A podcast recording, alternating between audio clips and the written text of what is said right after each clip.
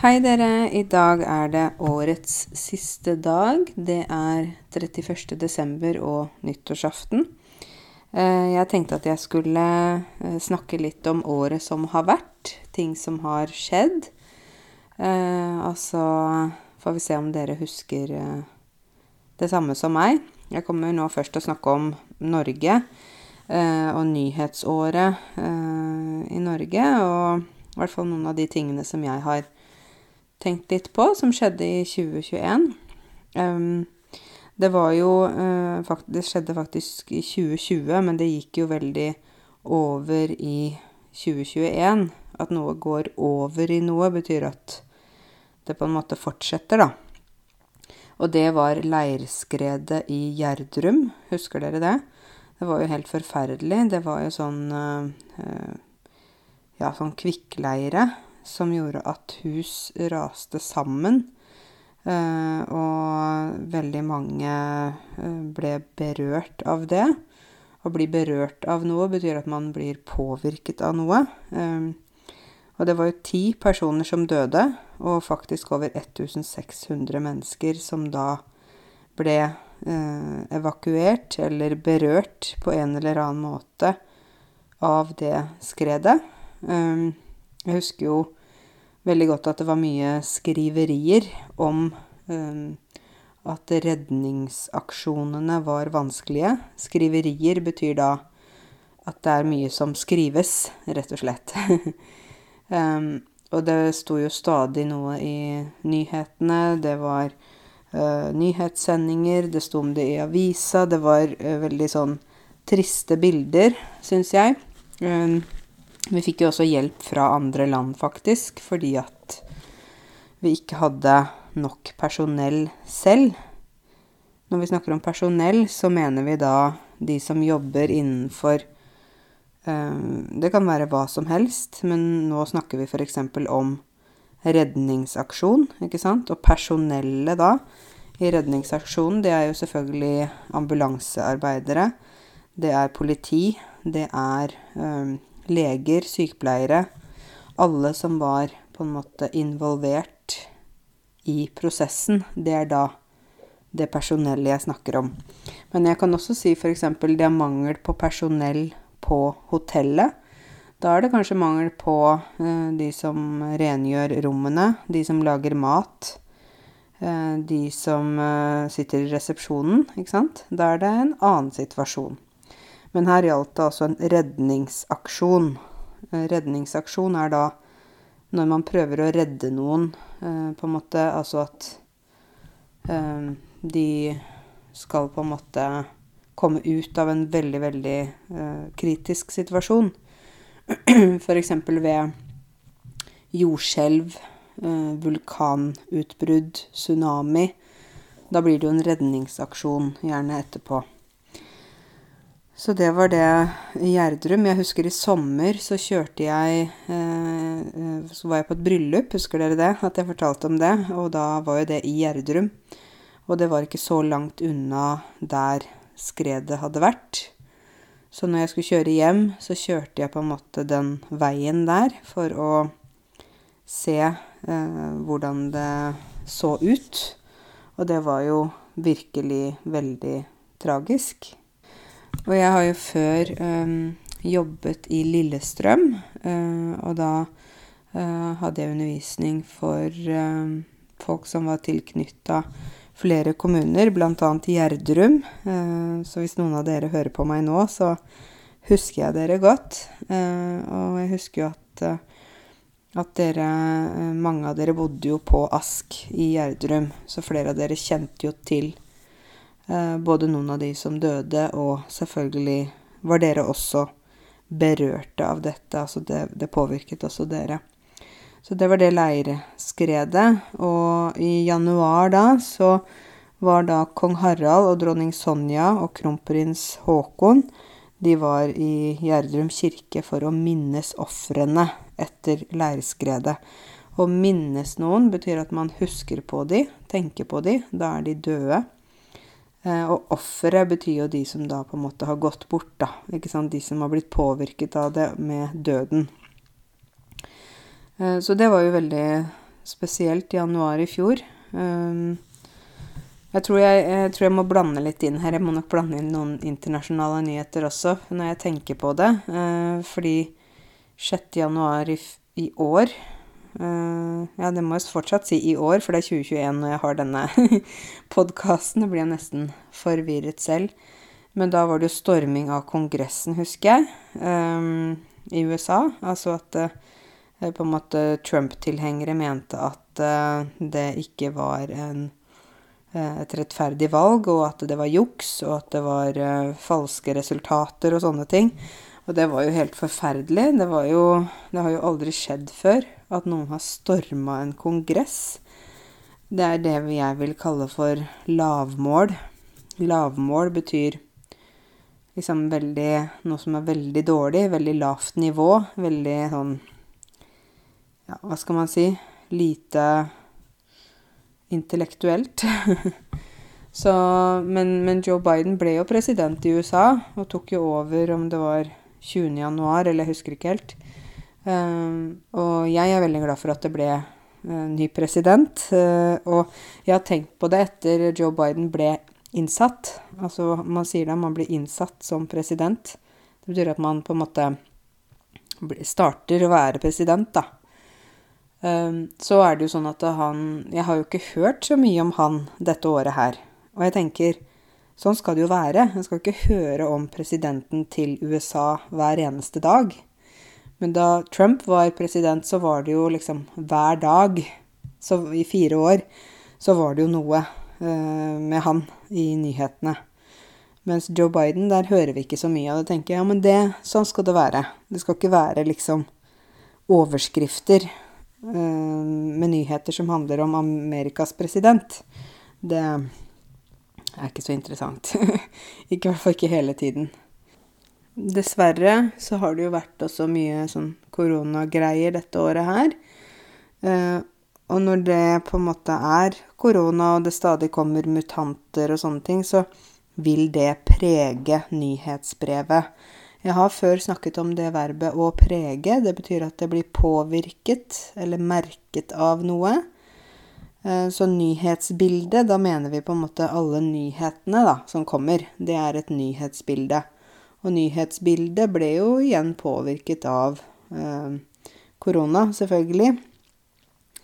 Eh, I mars eh, 2020, ikke sant, husker dere det? 12. mars så stengte jo Norge ned. Uh, og så da 12. mars i år så var det jo fortsatt på en måte mye stengt. jeg husker at jeg pussa opp huset hjemme. Og da var det jo veldig mye sånn Veldig vanskelig egentlig å pusse opp, fordi Eh, vi kunne ikke bare dra på butikken og kjøpe maling, husker jeg. Her i Oslo så var det veldig vanskelig. Og da måtte moren min kjøpe maling. Eh, moren min bor jo i Lier, så hun måtte kjøpe maling og ta det med til oss i Oslo. For vi fikk faktisk ikke kjøpt det selv. Og sånne ting er jo Ikke sant. Det blir sånn praktisk eh, ting som påvirker hverdagen, da. Jeg husker at det var munnbind. Eh, det var eh, litt sånn ja, slitsomt eh, å gå i butikker, og ting var stengt igjen og stengt og stengt og stengt. Så det har vært mye av det, da. Vi er fortsatt ikke ferdig med det, dessverre. Det var jo også på en måte Vi prøver jo, selv om vi på en måte har da korona stengt, ikke sant, så prøver vi jo også å leve et vanlig liv. Det er liksom det som er utfordringen, da. At man skal både leve et vanlig liv, og man skal samtidig ta hensyn til det som på en måte eh, skjer i forhold til korona. Så jeg syns i hvert fall at det er eh, krevende. Eh, men det handler jo om å finne en vei og finne en hverdag. Og det Jeg føler at jeg har vel egentlig gjort det nå, som det har blitt stengt ned igjen. Så har jeg liksom bare Ja, ja, ok, nå er vi der igjen. Jeg bare syns det er synd for de som har bedrifter og virksomheter, altså bedrifter, da, som blir påvirka av det. Det var jo mange rare ting som skjedde også i dette året. Um, jeg vet ikke om dere har fått med dere Laila Anita Bertheussen, som da uh, har vært uh, samboer med um, Tor Mikkel Wara. Um, han var vår tidligere justisminister, og hun herre Laila, da, hun um, hun ble da 14. januar, så døm, ble hun dømt i Oslo tingrett til fengsel i nesten to år, fordi at hun, hun på en måte Hun hadde jo eh, kommet med trusler mot demokratiet. Skadeverk. Hun hadde øh, brent en bil, tror jeg det var. Det var flere rare ting hun hadde gjort. Og så sa hun at nei, det var ikke henne og sånne ting. Hun hadde gjort det mot sin egen samboer. det er utrolig rart, da, altså gjøre sånne ting. Eh, men hun ble altså dømt og uh, havnet i fengsel. Men det var en sånn rettssak som var veldig rar, fordi hun nektet for at hun hadde gjort noen ting, og nei, ingenting, og sånn og sånn. Og så viste det seg at det, det var jo henne. Til slutt så godtok hun dommen. En dom er jo det man får etter man har vært i retten, ikke sant. Hva skal skje med en kriminell person? Da får man en dom, om det er fengsel eller om man må betale penger eller begge deler, så er det i hvert fall en dom, da. Så hun hadde gjort egentlig ganske mye rart, syns jeg, så det var godt hun ble dømt. Det er jo sånn jeg tenker at rettferdigheten seirer. Altså, det som er rettferdig, det vil komme frem for en dag uansett, da. Uh, og i januar så var det også en veldig tragisk ting. Det var en hyttebrann der fire barn og en, en voksen dør i en hyttebrann i Andøy kommune. Kanskje noen av dere bor i Andøy kommune. Og jeg har jo også lest en artikkel om han mannen da, som satt igjen etterpå sammen med sønnen. Ikke sant, Som hadde mista sin samboer, og det var fire barn. Eh, og jeg tenker sånt er jo veldig vanskelig når noen dør i brann. Eh, jeg fikk jo nå i jula faktisk beskjed av naboen her eh, hos meg at eh, sønnen hennes hadde blitt husløs nå på julaften fordi det var en dame i blokka der han bor. En dement dame, en gammel dement dame som på en måte hadde mest sannsynlig skrudd på komfyren. Dette var på julaften. Og så hadde hun gått og lagt seg. og da Jeg tror hun hadde kanskje en gammeldags komfyr. Så har denne bare stått på, og så uten at noen lagde mat. Og så har det blitt starta da Begynt å brenne. Eh, og han her, eh, sønnen til naboen, da, han eh, bodde jo i tredje etasje. Men han eh, plutselig så lukta det røyk i leiligheten hans. Så den dama bodde i første etasje. Og da var det kommet røyk opp gjennom luftrørene, ventilasjonen. Og når han åpna badet sitt da, så var det bare masse røyk. Så da måtte de evakuere på julaften. Eller sånn natt til første dag jul, da. Natt til 25. desember. Og jeg snakka med han i går, og han sa det at han står nå uten leiligheten sin i kanskje to-tre måneder. For de må jo rense, de må vaske. Altså det er en lang prosess å få et bygg klart igjen til eh, å bo i. Så ja, dette med brann er veldig forferdelig, altså. Så dere må passe på eh, det der med brann. Jeg husker faktisk en gang også at det var Jeg hadde en uh, klasse, og der snakket jeg om uh, dette med brann og brannslukning, brannapparat, hva man skal gjøre hvis noe brenner og sånn. Og så husker jeg da veldig godt at eh, jeg fortalte da i klassen at hvis det brenner i en gryte, altså en kjele, når du lager mat, ikke sant, hvis du bruker olje, så skal du legge et brannteppe over. Det er et spesielt teppe. Og så husker jeg at jeg viste bilder av det teppet. Jeg sa dette kan du kjøpe på eh, noen butikker. Det heter brannteppe. Det er et spesielt eget teppe for eh, å stoppe brann. Og så gikk det en stund, og så husker jeg at det var eh, Vi kom på skolen, var en mandag. Og da kommer den ene eleven min, og hun uh, var helt sånn stressa. Uh, og jeg skjønte ikke hva det var. Og så sa hun til meg at uh, Nei, Karense, vi hadde brann i helgen i leiligheten. Så jeg å, hadde dere brann? For det første så sa jeg jo hvordan går det med deg, går det bra nå? Hun sa ja, vi er på hotell. Men jeg gjorde som du sa, Karense, sa hun til meg. Å, sa jeg. Ja, det var brann i en kjele. Jeg lagde mat. Sa jeg ja vel. Og da, da sa du at vi skulle ta teppet over. Uh, ja, brannteppe, sa jeg. Hun sa ja, men jeg gikk på soverommet og henta dyna. Ja, så hun henta dyna si, for hun tenkte at det var ikke noe Det var samme om det var teppe eller hva det var, det måtte bare være noe oppi gryta. Og selvfølgelig, når hun henta den dyna og putta oppi der, så ble det jo enda mer brann. Uh, igjen, språket er viktig. Der var det altså at hun ikke hadde fått med seg Å få med seg noe betyr at man husker noe. Uh, hun hadde ikke fått med seg at um, brannteppet er et, bare et veldig spesielt teppe. Nå håper jeg dere som hører det nå, forstår at det er ikke dyne, ikke vanlig teppe, ikke pledd, ikke duk. Det er et teppe som heter brannteppe. og det ligger i en rød sånn pakning. Og det bruker man kun hvis det er brann. Nei, så hun brukte dyna, putta dyna oppi kjelen, og da hadde jo hele leiligheten brent omtrent ned.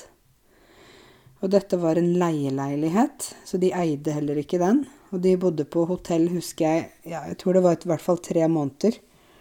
Ja, Så dette med brann, dere, der må vi Vi må kunne ting der. Det er veldig viktig. Ok. Um, litt um, videre. Um, det var jo uh, veldig mye sånn snakk om hva man skulle gjøre med eksamen og norskprøver og sånn. Jeg vet at folk hadde jo norskprøver, men eksamener så var det jo sånn at uh, de ble avlyst pga. Av koronasituasjonen. Og muntlig eksamen ble også avlyst. Og jeg vet at mange ungdommer føler på det, å føle på noe betyr at man kjenner det liksom veldig godt. De føler på at det da ikke har um, Liksom, de har ikke fått lært ordentlig, da. De føler at de har gått glipp av mange ting eh, på skolen. Å gå glipp av betyr at man liksom mister noe, ikke sant. Jeg gikk glipp av den fine filmen som du så på TV i går fordi jeg ikke var hjemme. Da gikk jeg glipp av den. Ja, så det, det skjønner jeg at det er kjedelig. Uh, samtidig er det vanskelig å samle så mange til eksamen også, så det er et sånn dilemma, egentlig. Men det er kjedelig å få sånt avlyst. Mange ting ble jo avlyst, ikke sant, så det var jo ikke bare det. Um, Siv Jensen, kjenner dere tidligere leder av Frp, hun gikk av som leder for Frp etter 15 år. Å gå av som politiker, det betyr at man slutter, rett og slett. Man kan jo gå av som statsminister også, gå av som president, hvis man på en måte øh, har behov for det, eller at man ikke er populær, eller øh, folk ikke liker deg, eller et eller annet sånt, så kan man jo gå av. Så Sylvi Listhaug tok over. Um, jeg skal ikke snakke veldig mye om henne, for det vil jeg ikke. Men det var i hvert fall det som skjedde, da. Eh, og Siv Jensen, hun har vel Hun har skrevet en bok etter hun sluttet. Hun har fått seg hund. Eh, hun gjør en del andre ting, da. Så, men jeg hadde mer sansen for Siv Jensen enn Sylvi Listhaug. Å ha sansen for noen betyr at man liker noen. For eksempel, jeg kan si 'jeg har sansen for deg'. Det betyr at jeg liker deg, jeg liker hvordan du er. Ikke som at jeg liker deg sånn at, romantisk, ikke sånn, men mer sånn at jeg, jeg synes du er en ålreit person, da. Jeg kan også si f.eks.: Jeg har sansen for jazzmusikk. Det trenger ikke bare være en person. Jeg har sansen for indisk mat. ja. Uh, så det. um, og så var det også da sånn eh, MGP. Melodi Grand Prix-finale. Eh, det var jo eh, han herre Tix som eh, vinner den norske MGP-finalen. Men i selve Eurovision, Eurovision-finalen, da, i Rotterdam, så fremførte han den låten 'Fallen Angel'. Jeg vet ikke om noen av dere så på Melodi Grand Prix, men da havna han på 17.-plass, så det var ikke så imponerende. Men det jeg likte med han, eller det jeg liker ved han, er jo at han er jo seg selv. Tix, jeg vet ikke om dere har hørt om han, men han har jo Tourettes syndrom, eller han tror jeg, eller i hvert fall han har tics.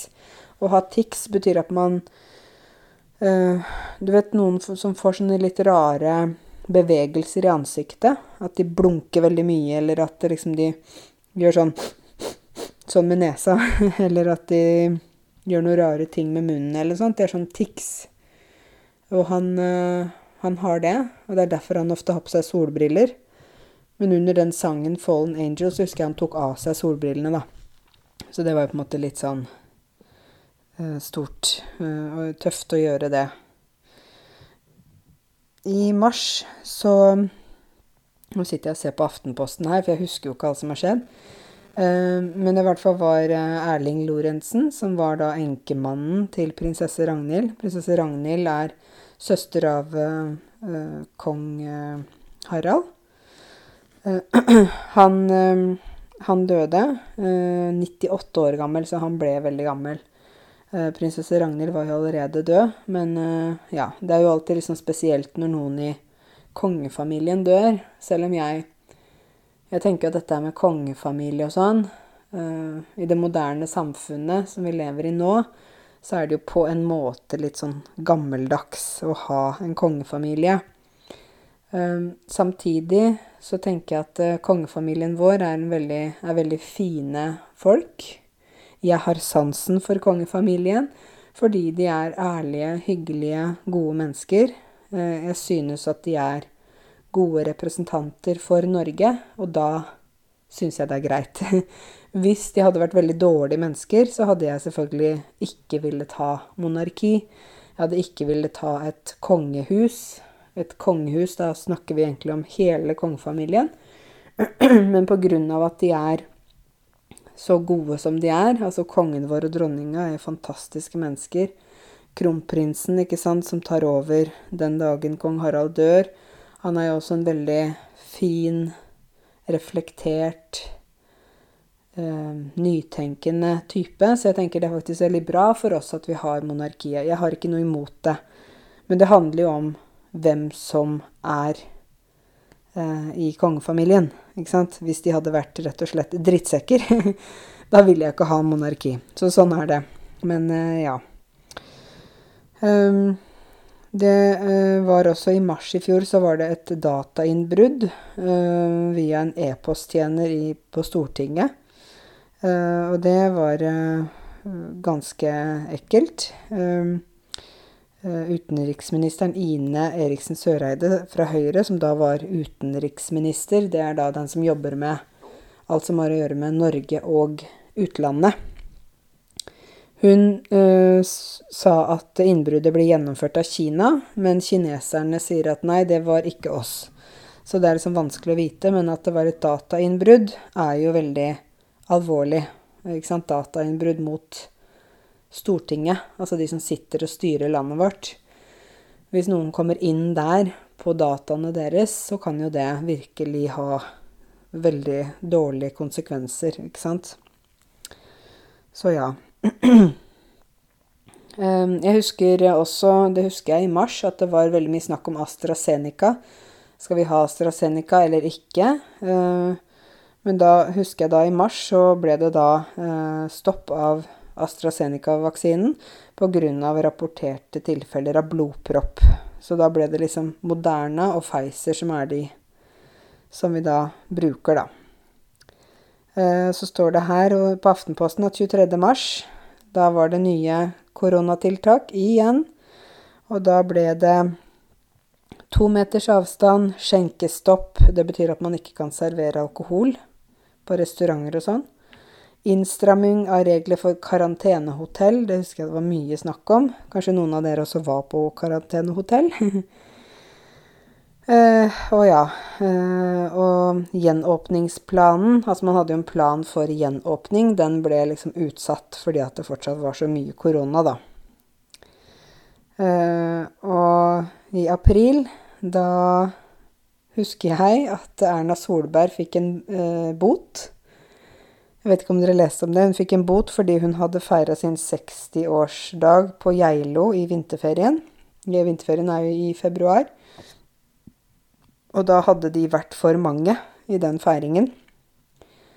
Og da måtte Erna Solberg betale 20 000 kroner. Og det syns jeg er fint, fordi det viser at i Norge så du kan være statsminister, men du får fortsatt bot.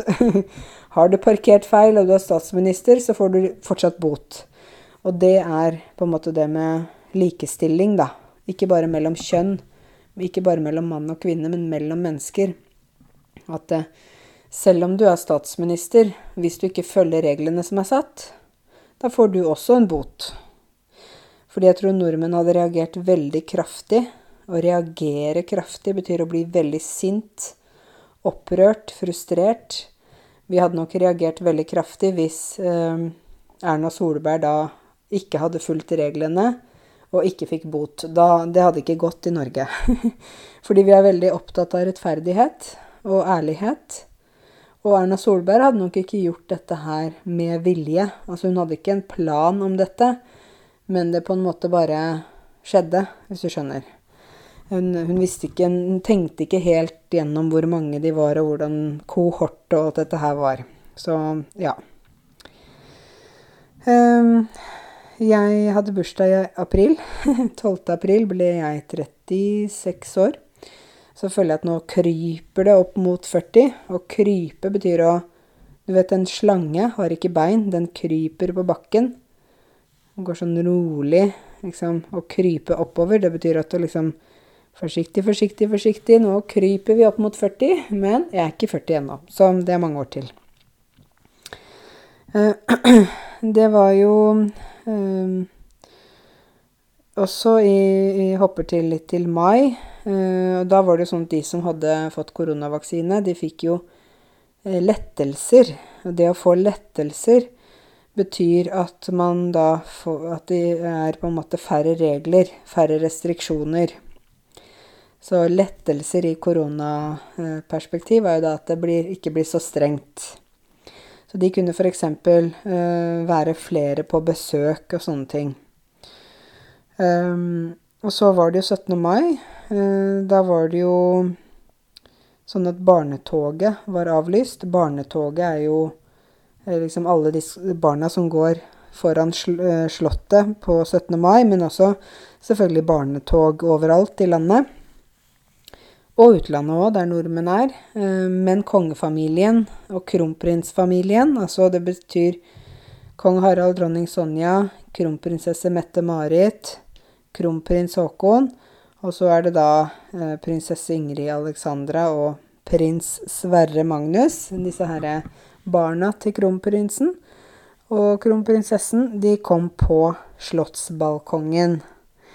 Og jeg vet ikke om dere har vært i Oslo, men har dere sett balkongen på slottet der? Det er der de står og vinker da når det er 17. mai. ikke sant? Der har de alltid stått og vinket i så mange år. Men nå kom de faktisk ut på slottsbalkongen, så det var veldig uh, fint, syns jeg. Um, og så ble det jo i mai litt lettere. I juni også ble det på en måte Begynte det å bli mer og mer sånn OK, greit, nå, nå tror vi at vi kan se liksom en, en ende på dette her. Å se en ende på, på, noe betyr at man ser at det slutter, ikke sant? Så vi tenkte å, nå er vel korona snart ferdig. Det blir bra.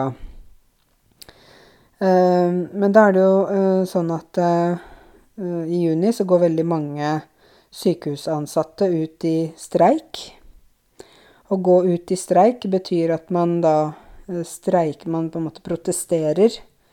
Sier ifra at eh, nei, nå er det nok, eller vi vil ha bedre lønn, eller vi vil ha kortere dager, eller at man streiker av en eller annen grunn. Og da var det sånn at syke Folk som jobber på sykehus, sykepleierne, sykehusansatte, var så slitne og synes at de hadde så dårlig lønn for den jobben de gjør, den viktige jobben de gjør, at de gikk ut i streik. Um, så sykehusstreiken den varte altså i tolv dager. Og med koronapandemien der så blir jo det veldig kritisk. Så da måtte de gi de mer lønn. Så jeg syns jo at det var øh, veldig bra. Jeg synes, jeg har alltid tenkt på sånn at Vet du hva? Sykepleiere og de som jobber innenfor helse, ikke sant, de bør ha mye bedre lønn, fordi de gjør en veldig viktig jobb. Og det gjelder jo, jeg tenker det gjelder alle som jobber innen helse, også helsefagarbeidere, ikke sant, pleieassistenter, altså Jeg synes at det er veldig skammelig at de har så lav lønn. Skammelig betyr at det er skam. Det er øh, synd eller øh, veldig dårlig, da. At de som jobber innenfor helse, så sant det ikke er leger og kirurger, de har jo god lønn. Men hvorfor skal ikke sykepleiere og helsepleiere og alle disse andre som jobber med helse, ha god lønn? De, uten dem så går det jo ikke, ikke sant? Uh, og på samme måte mener jeg også at lærere bør ha mer lønn. Fordi lærerne lærer jo opp fremtidens generasjoner, ikke sant? Og har vi ikke gode lærere, og lærere som vil bli i jobben sin, så ja, da går det jo ikke så bra da. Vi trenger både folk innenfor helse og innenfor utdanning. Så det syns jeg er for dårlig. At det er så dårlig lønn. At det, er, det burde vært mye bedre, da. Uh, ja. Og så, uh, gjennom sommeren i hvert fall, så var det for meg ja, juni Jeg husker jeg var en tur på Storefjell. Det var ikke så mye som skjedde, egentlig. Det var ganske rolig. Eh, rolig tider. Det var ikke noe store ting og tang. Eh, I juli så Da begynte det å bli mer og mer sånn OK, nå begynner vi snart å åpne landet. Nå er alt mer mulig igjen. Eh, men for meg da så var det jo mer sånn at jeg var litt nervøs. Uh, fordi jeg skulle gifte meg i september, så jeg var litt sånn nervøs for OK hvordan blir dette her med korona nå? Nå er det juli. Ok, skal de åpne? Skal de stenge? Kan vi ha de gjestene vi vil ha, eller må vi ha halvparten av gjestene? altså alt var sånn veldig stressende da, på den måten der. Og da øh, husker jeg at jeg Jeg bare håpet veldig og tenkte mye på det, at jeg håper virkelig at det er mulig å ha bryllup, og at vi ikke må ha sånn koronabryllup med liksom tre gjester og sånn, men at vi kan danse, feste og ha det gøy. Uh, så det var liksom Gjennom sommeren så var egentlig jeg ganske sånn stressa for det. Jeg var en tur i Ålesund, ellers så var jeg ikke så veldig mye på, på tur. Det ble mer og mer åpent i løpet av sommeren. Uh, og så ble det da liksom etter hvert uh, Delta-varianten ble da dominerende i Norge. Det hadde jo vært i, på våren også, så var det, husker jo Nordre Follo stengte ned. Det var sånn store overskrifter, og nå er det delta-varianten i Nordre Follo, og Det blir jo sånn store overskrifter noen ganger. En overskrift er Du vet når du leser i avisen, så, så går du på førstesiden, og da står det en tekst ved siden av bildet. Det er overskriften til artikkelen. Det viktigste, på en måte. Så ja. 22. juli så var det jo da ti år siden terrorangrepene mot regjeringskvartalet og Utøya. Eh, ti år eh, siden På en måte hadde vi en tiårsmarkering, og det var veldig Det er tungt å tenke på at det At vi har faktisk hatt sånn terror her. Eh, vi har jo også hatt terror med han her eh, Hva het han da? Manshaus. Han som gikk til angrep på den Al-Noor-moskeen i Bærum der. Og vi har også hatt terror her i høst, i Kongsberg. Så det er liksom Ja, det er for mye uh, hele tiden. Et eller annet. Um, ja. Uh, jeg husker jo i sommer så var det også snakk om å sende ut, jeg vet ikke om dere husker, eh, Mustafa Hassan, som var da 18 år. Så ville UD, Utlendingsnemnda, eh, de ville Nei, UNE er det vel, ikke UD. UNE, Utlendingsnemnda. De ville sende ut Mustafa Hassan eh, ut av landet fordi Altså, historien er jo helt galskap, syns jeg. Han kom til Norge som barn. Eh, med sin mor. Og moren hadde da blitt tvangsgiftet med en mann eh, da hun var vel selv barn. Og så hadde hun løyet om hvor hun kom fra, moren altså, og kom seg til Norge. Og så hadde det blitt funnet ut at hun hadde løyet om hvor hun kom fra. Men hun hadde jo løyet om det for å kunne komme bort fra situasjonen sin. Um, og på grunn av at moren til Mustafa hadde løyet om situasjonen, så skulle Mustafa den dagen han ble 18, straffes for morens løgner ved å bli sendt ut av landet. Altså, jeg syns det er helt Jeg syns det er så forkastelig. Eh, at noe er forkastelig, betyr at det er veldig, veldig dårlig. Helt sånn ja, forferdelig. Eh, jeg snakka faktisk med en venn i går om dette med UNE, Utlendingsnemnda hvordan de holder på. Jeg syns faktisk, og nå sier jeg det høyt, jeg syns det er forferdelig hvordan jeg leser nå stadig nyhetene om mødre som skal skilles fra sine barn, der mødrene skal bli sendt ut av landet. To barn uh, under ti år sitter igjen i Norge. Altså, hva er det de tenker med? Jeg bare åh, Jeg blir bare helt sånn Jeg syns det er altfor strengt. Og mange ganger så blir jo bare navnene til folk Det blir bare navn på et papir, og så sier de nei, eh, vi sender de ut. Ut av landet. Ut. Vekk. Ha det. Det er liksom så brutalt. Og så tenker jeg Jeg blir flau. Og jeg blir helt sånn åh, Tenk at dette er landet mitt. Man sier at Norge er så demokratisk, og det er så harmonisk, og alt er så bra med Norge. Men når det gjelder den utlendingspolitikken, da. Mot flyktninger, mot folk som har prøvd å komme seg hit av forskjellige grunner fordi de rømmer fra noe. Eller sant, ung, ungdommer som har løyet når de var ungdommer for å prøve å komme seg inn i Norge og sånn. Så tenker jeg, altså Er det vi skal virkelig være så hardt? At man bare sier nei, disse her folka her må ut. Vi sender ut uh, hun dama her. 'Å ja, men hun har tre barn i Norge. Skal du sende henne ut?' 'Ja, de barna klarer seg selv. De kommer til fosterfamilier. Det går bra.' 'Det går da vel ikke bra, vel? De, skal, de trenger sin mor.' Nei, vet du hva, jeg syns Unnskyld meg, dere. Det der der Det der syns jeg bare er helt forferdelig her i Norge. Det er for dårlig. Og det er for hjertekaldt, rett og slett. Samme gjelder hun Farida fra Afghanistan, hvis noen av dere har fulgt med på den saken. Hun fikk jo ikke komme inn igjen. Hun er jo nå i Tyrkia. Hun ble jo sendt ut. Hun bodde i en kommune med familien sin. Um, og så var det vel om, om, det var moren eller faren som hadde løyet om et eller annet. Altså det er jo jeg tenker en despera eh, desperasjon, så kan man jo lyve om ting. Men ikke fordi man vil lyve, men fordi man på en måte blir sånn desperat, da. Ikke sant? Og da går de liksom tilbake, langt tilbake i systemet. Ja, hva var det der, og, og Ikke sant. De går til og med og sjekker UNE, da. Utlendingsnemnda. De går og sjekker folks Facebook.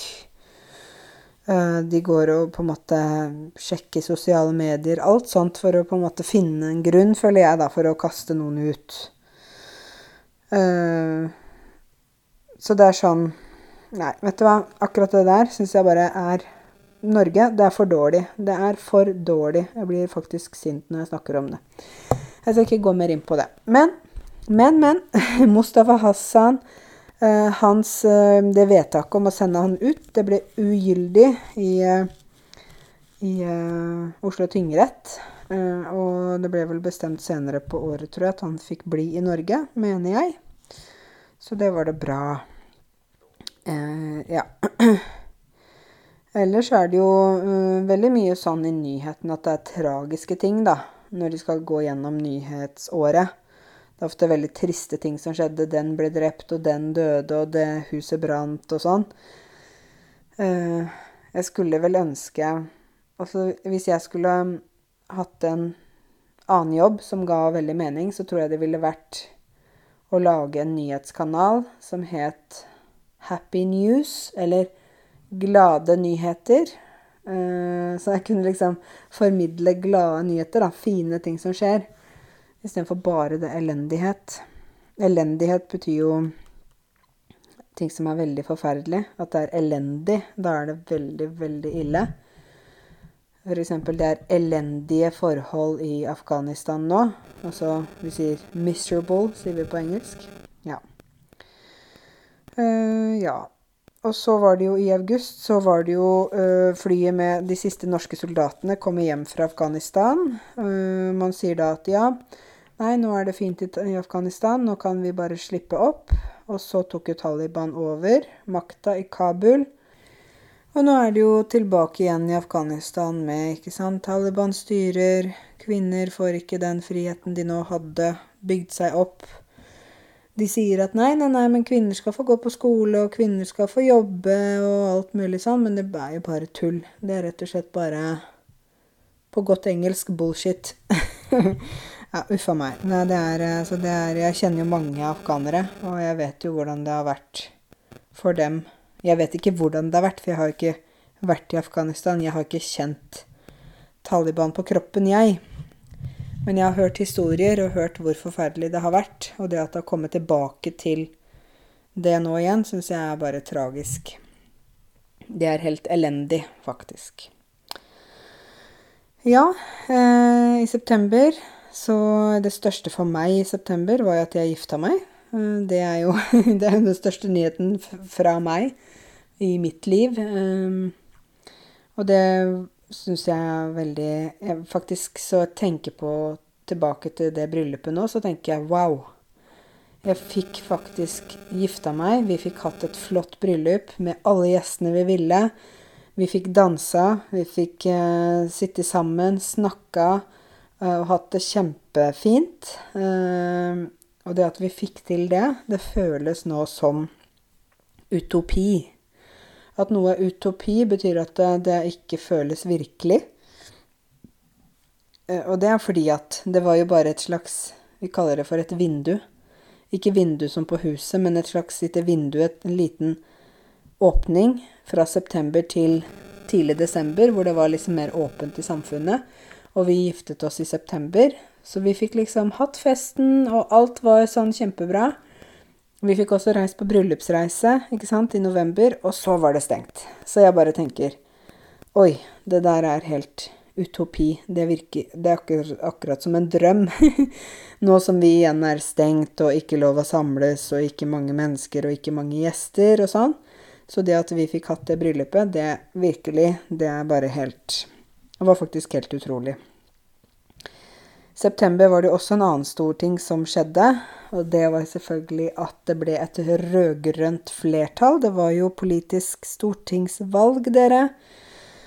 Eh, Erna Solberg gratulerte Jonas Gahr Støre, leder av Arbeiderpartiet, med valgseieren. Og så var det jo Senterpartiet, Sp, og eh, eh, Sosialistisk Venstreparti, SV, som også vant i valget. Men eh, etter hvert som de skulle forhandle om hva de skulle bli enige om da, i den nye regjeringen. Og forhandle betyr at man liksom snakker sammen og blir enige, da. Så trakk SV seg ut, altså Sosialistisk Venstreparti. De sa at nei, vet dere hva, vi vil ikke være med på den regjeringen her, fordi at det er øh, Det er så mange ting vi er uenig i, så vi vil ikke være med i regjering. Så da ble det Arbeiderpartiet og Senterpartiet. Så det var liksom uh, selvfølgelig en stor uh, nyhet. Og så har det jo vært en del i høst om stortingsrepresentanter, altså folk som sitter på Stortinget, som har Nå skal jeg si et, et rart uttrykk. De har driti seg ut. Å drite seg ut er ikke så veldig pent å si, men det betyr at man rett og slett gjør en stor tabbe. Man gjør en stor feil. Og det er flaut. Det er pinlig. Så eh, I september, 18. september, så var det lederen for KrF, Kristelig Folkeparti, Kjell, Ingolf, Kjell Ingolf Ropstad. Han eh, hadde det blitt skrevet mye om. Han hadde altså eh, Han hadde tilgang på en gratis bolig i Oslo og han betalte ikke skatt av det. Eh, og han hadde sagt at han bodde hjemme på gutterommet hos sine foreldre, selv om han bodde med familien sin. Så han hadde rett og slett juksa Og han trakk seg da. Å trekke seg, ikke sant, eller å fratre, betyr at man da sier OK, greit, jeg gir opp min stilling. Jeg skal ikke være leder mer, eller jeg skal ikke være statsminister, eller hva det er. Så han gikk vekk fra sitt verv som KrF-leder. For han hadde jo rett og slett juksa. Ikke sant? Han hadde hatt en gratis statsrådbolig, hadde ikke betalt skatt av det, for det skal de faktisk gjøre. Hadde oppgitt adressen til gutterommet hjemme hos foreldrene når han egentlig hadde en annen bolig, og sånn. Og det er å drite seg ut når du gjør det, når du er en offentlig person. Um, ja, og så var det også i september så var det to ansatte som ble knivstukket på Nav Årstad i Bergen. Og en uh, 57-årig kvinne døde. Uh, og det, det, fikk jo meg til å tenke veldig på um, Da jeg selv jobbet på Nav Grorud i Oslo, så husker jeg at det var en av mine kollegaer, Annie Godanger eh, het hun. Hun ble jo knivstukket av en av klientene på Nav. Eh, og knivstikke, da tar man en kniv og stikker inn i noen, ikke sant? Og jeg husker at hun fikk bl.a. skader på levra si. Lever er jo det organet som renser blodet.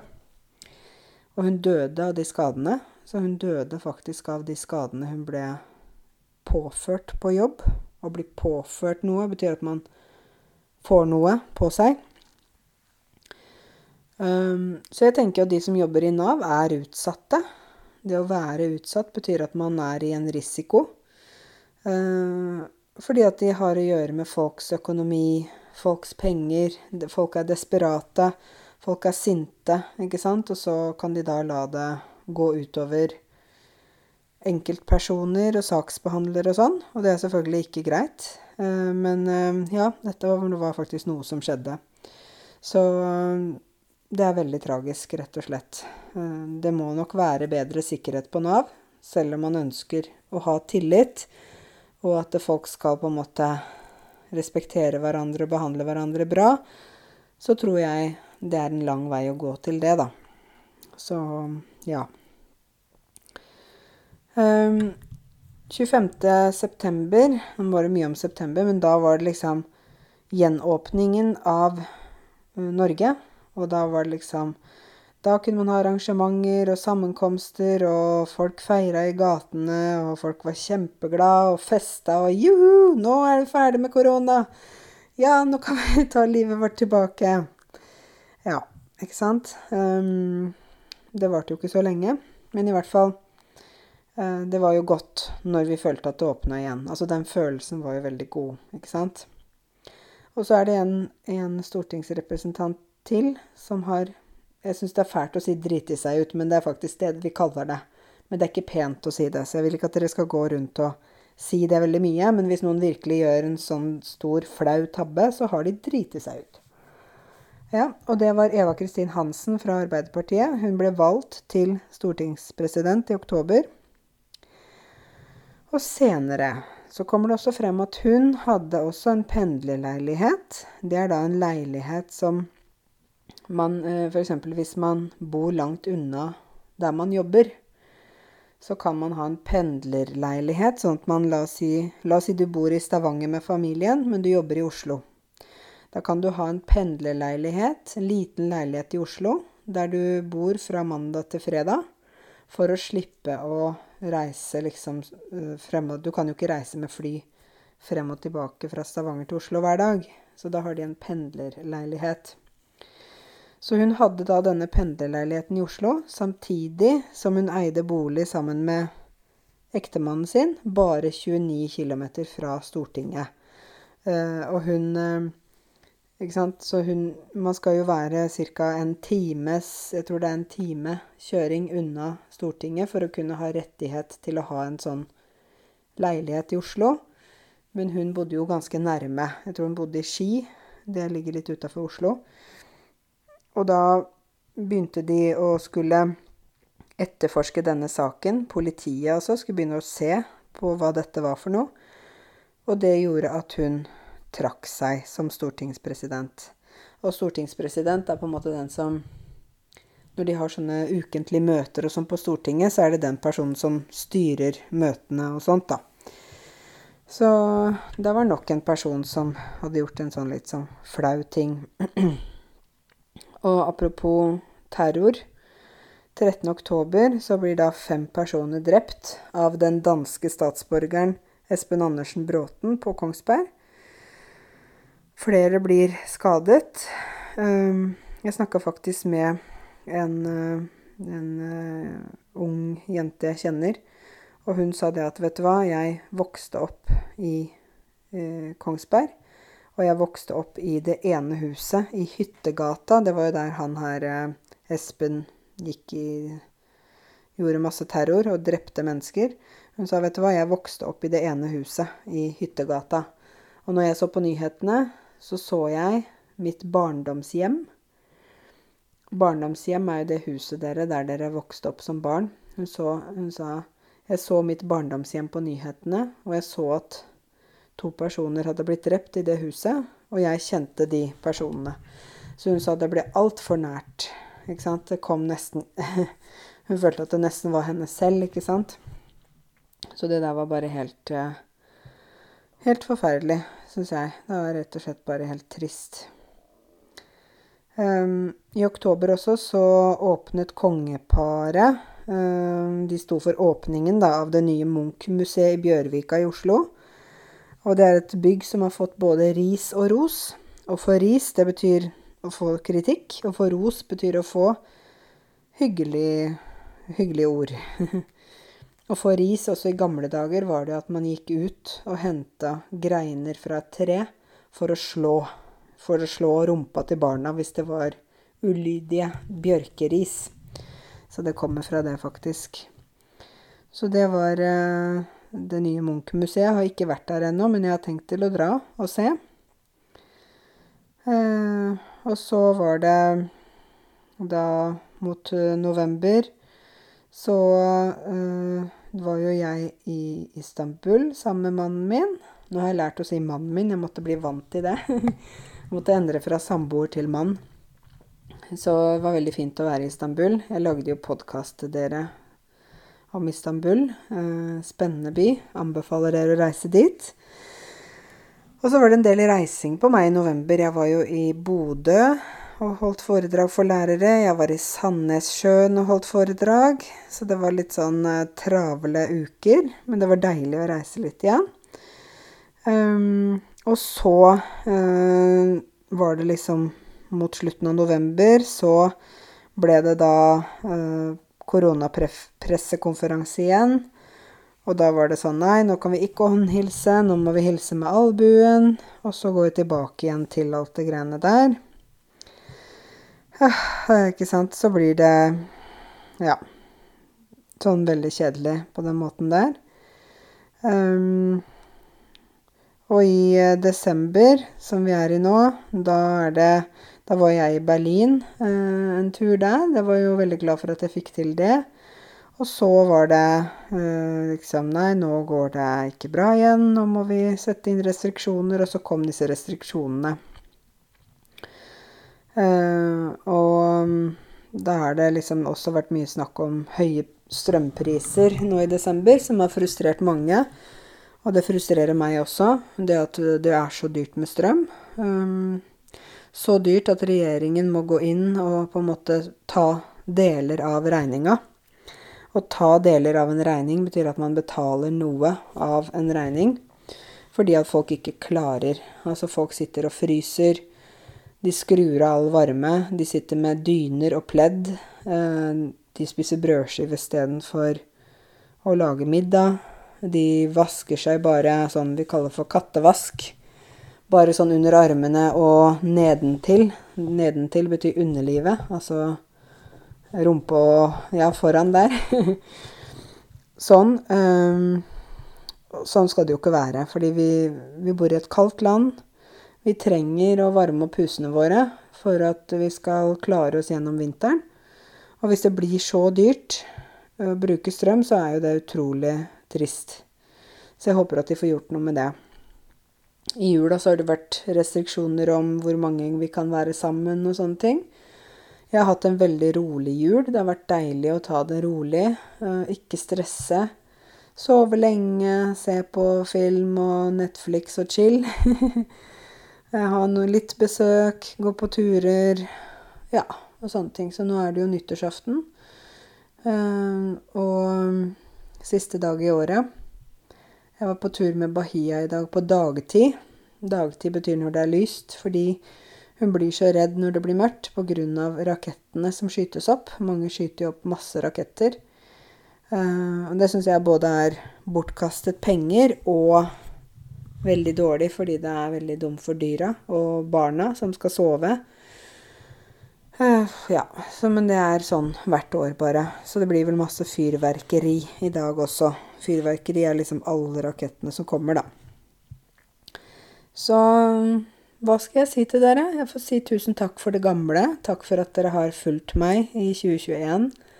Takk for at dere har sett på YouTube-videoene mine, støtta meg med hyggelige kommentarer, eh, fulgt med, vært aktive på mine forumer. Um, at dere virkelig viser ønske og evne til å lære mer og mer norsk. Det er jeg veldig glad for. Um, jeg gleder meg til neste år. Jeg har masse spennende planer for Note, nettskolen min. Så dere får bare holde dere fast, og snart etter hvert så kommer det spennende nyheter. Men jeg kan ikke avsløre det nå. Men i hvert fall alle sammen, tusen, tusen hjertelig takk for at dere følger meg. Takk for at dere er uh, så gode. så ønsker jeg dere alle godt, godt, godt nyttår. Og så sier vi takk for det gamle. Vi ses i det nye.